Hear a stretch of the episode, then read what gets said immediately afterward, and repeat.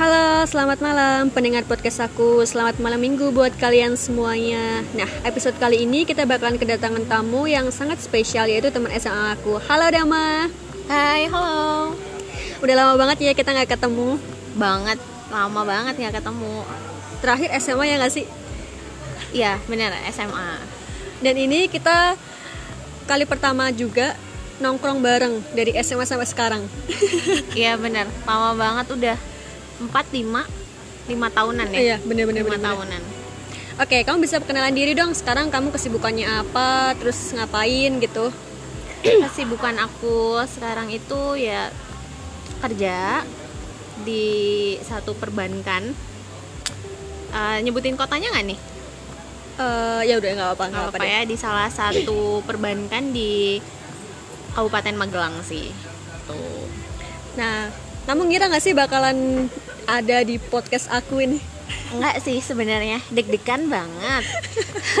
Enggak kepikiran kalau temen lama aku ini ternyata punya podcast, tahu-tahu ketemu pertama kali ngajakin nggak tahu juga sih mau diajakin pertanyaan mau diajakin ngobrol tentang apa pertanyaannya aja nggak pernah terpikirkan gitu Nggak, kalau kita pokoknya kita ngobrol-ngobrol santai aja seputar your experience gitu ya. Boleh boleh boleh boleh oke, oke. Harus boleh dong. maksa ya agak maksa ini nah, Dama. Kita kan Iya. tahu, kita kan sekolah dulu SMA udah dua tahun ya.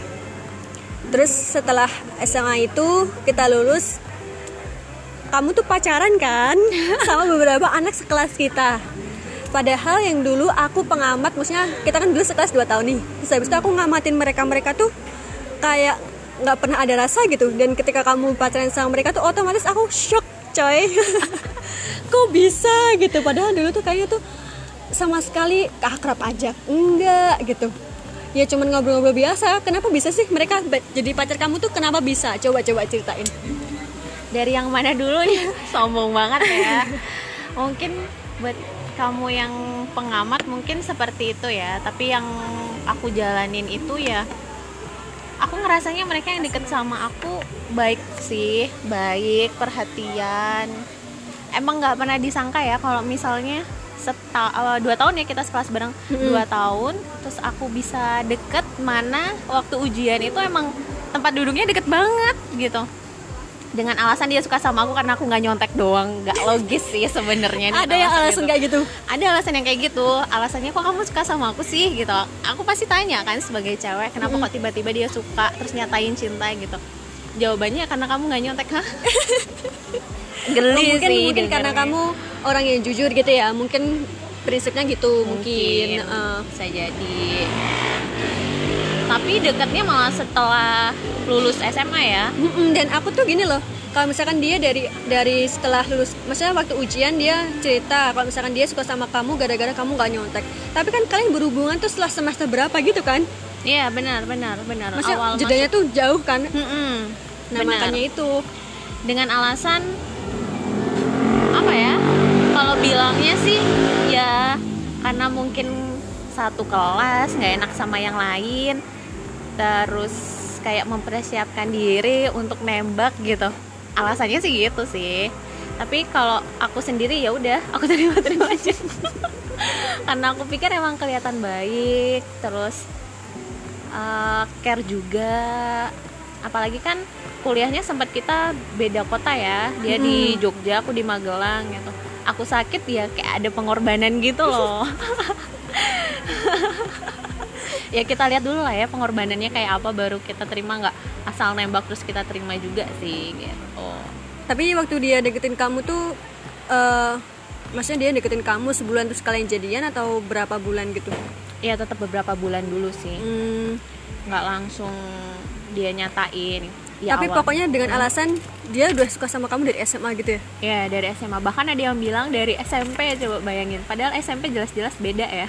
Beda sekolah itu sih gue Lucu sih, tapi kalau tapi kalau yang yang dia yang bilang dari SMP tuh kamu juga pacaran sama dia? Pacaran? Ah, enggak sih. Dibilang pacaran juga enggak sih. Tapi ya niatnya sih serius ya. Karena kan dia ngajakinnya di umur umur kita yang segini ya. Emang Udah. kamu umur berapa? Aduh sebut dong. Jangan dong. Umurnya udah cukup lah buat wanita untuk menikah Ya nggak muda-muda banget Nggak tua juga. Tapi kalau menurutku masih muda sih coy. Ih di zaman sekarang loh. Zaman sekarang tuh justru umur 23 23 kan? Apanya? kamu. Ih naik satu. Naik satu sih yang pasti sih. Maksudnya kan kita lihat sekarang tuh udah banyak banget loh Wanita-wanita yang nikah muda. Udah mayoritas nggak sih?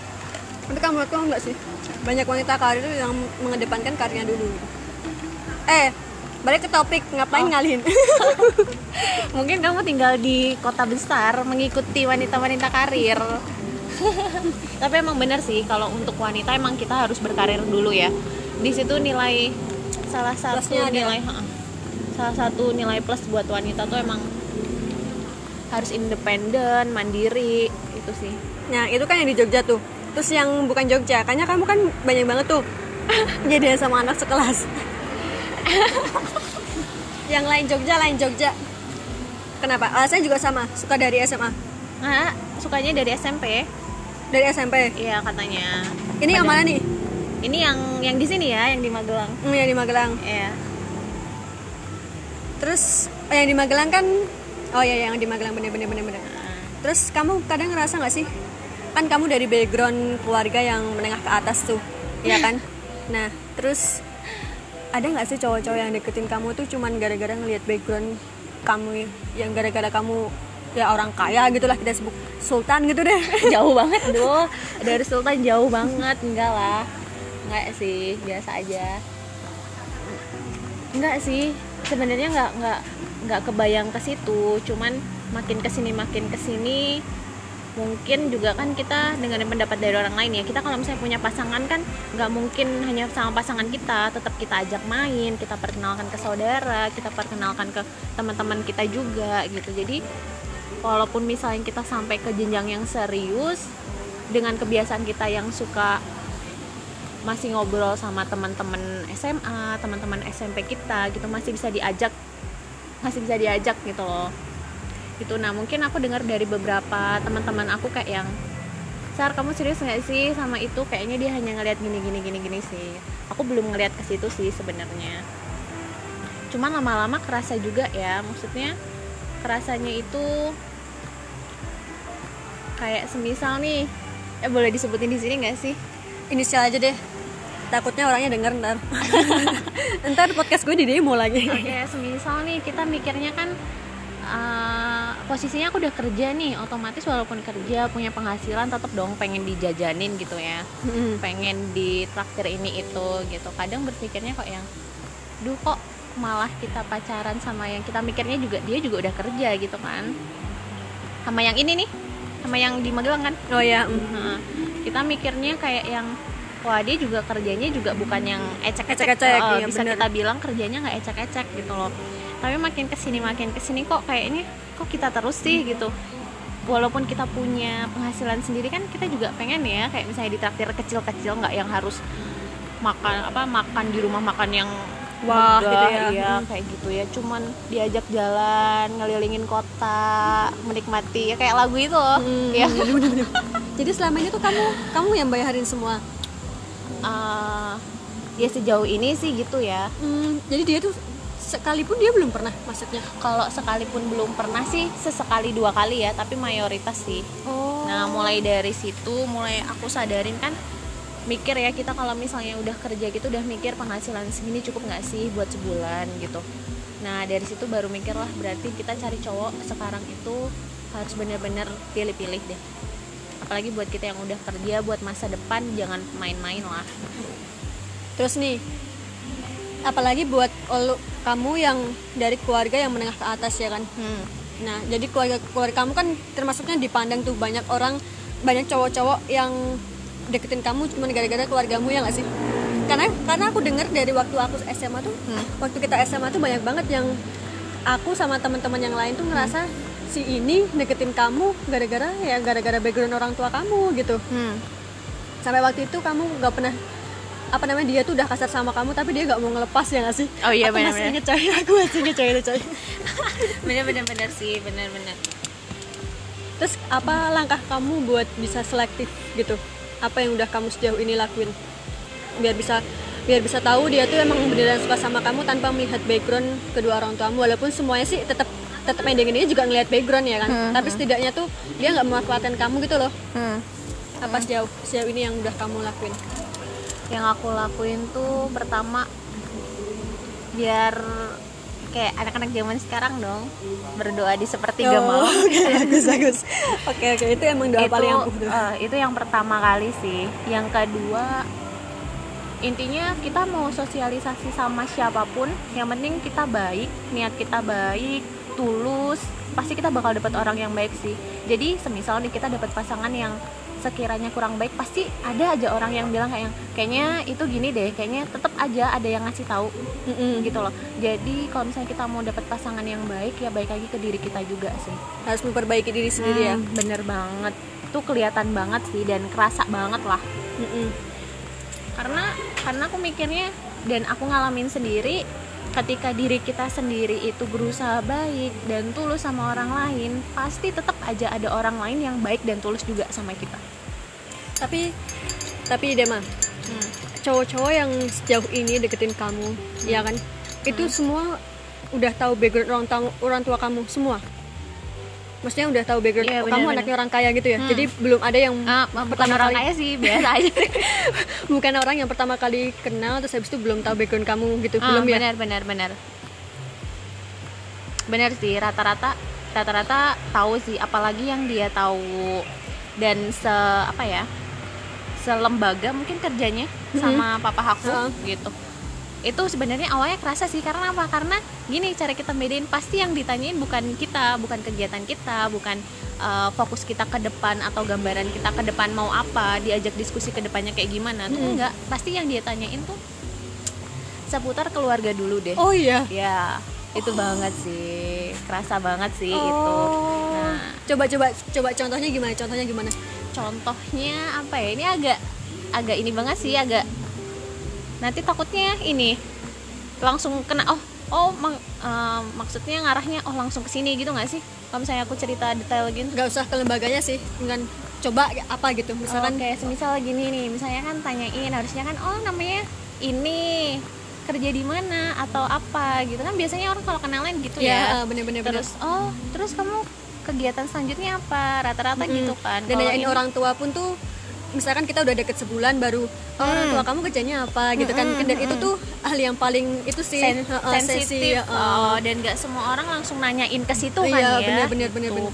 kalau itu nggak mesti rata-rata tahu kok tahu keluarga aku. Jadi mereka langsung tanya oh sekarang ayah kamu eh, kerja di mana? Di bagian apa? Terus sekarang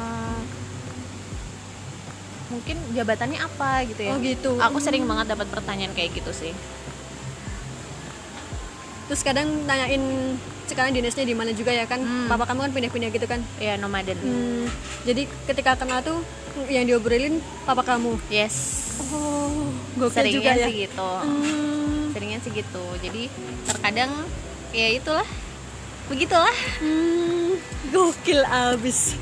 Tapi beneran loh dan apa maksudnya kita tuh sebagai teman kamu kan yang yang bilang banyak cowok yang ngincer kamu gara-gara papa kamu tuh ya banyak banget ya kan? Nggak cuma aku doang kan? Banyak banget.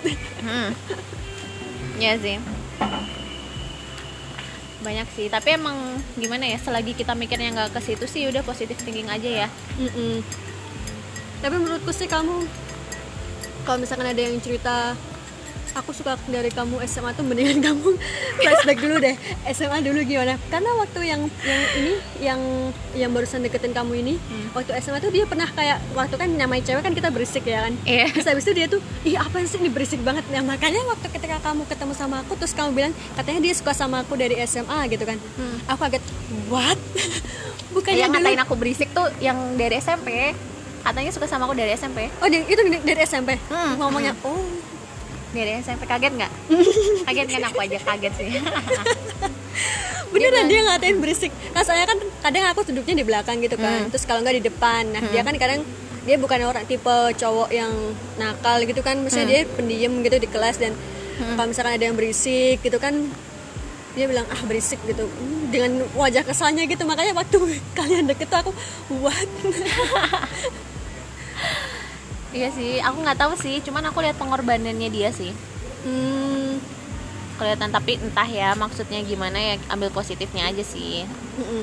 tapi jadi kesimpulan hmm. jadi kesimpulan selama kamu berpacaran ini apa yang hikmah yang kamu ambil pertama ya ini tentang hubungan ya Iya. kalau dari hubungan itu yang ada di pikiran aku tuh tetap mau dia ngelihat background aku atau aku lihat background keluarganya dia itu menurut aku yang namanya hubungan tetap ada bibit bebet bobot. Mm-mm. gitu.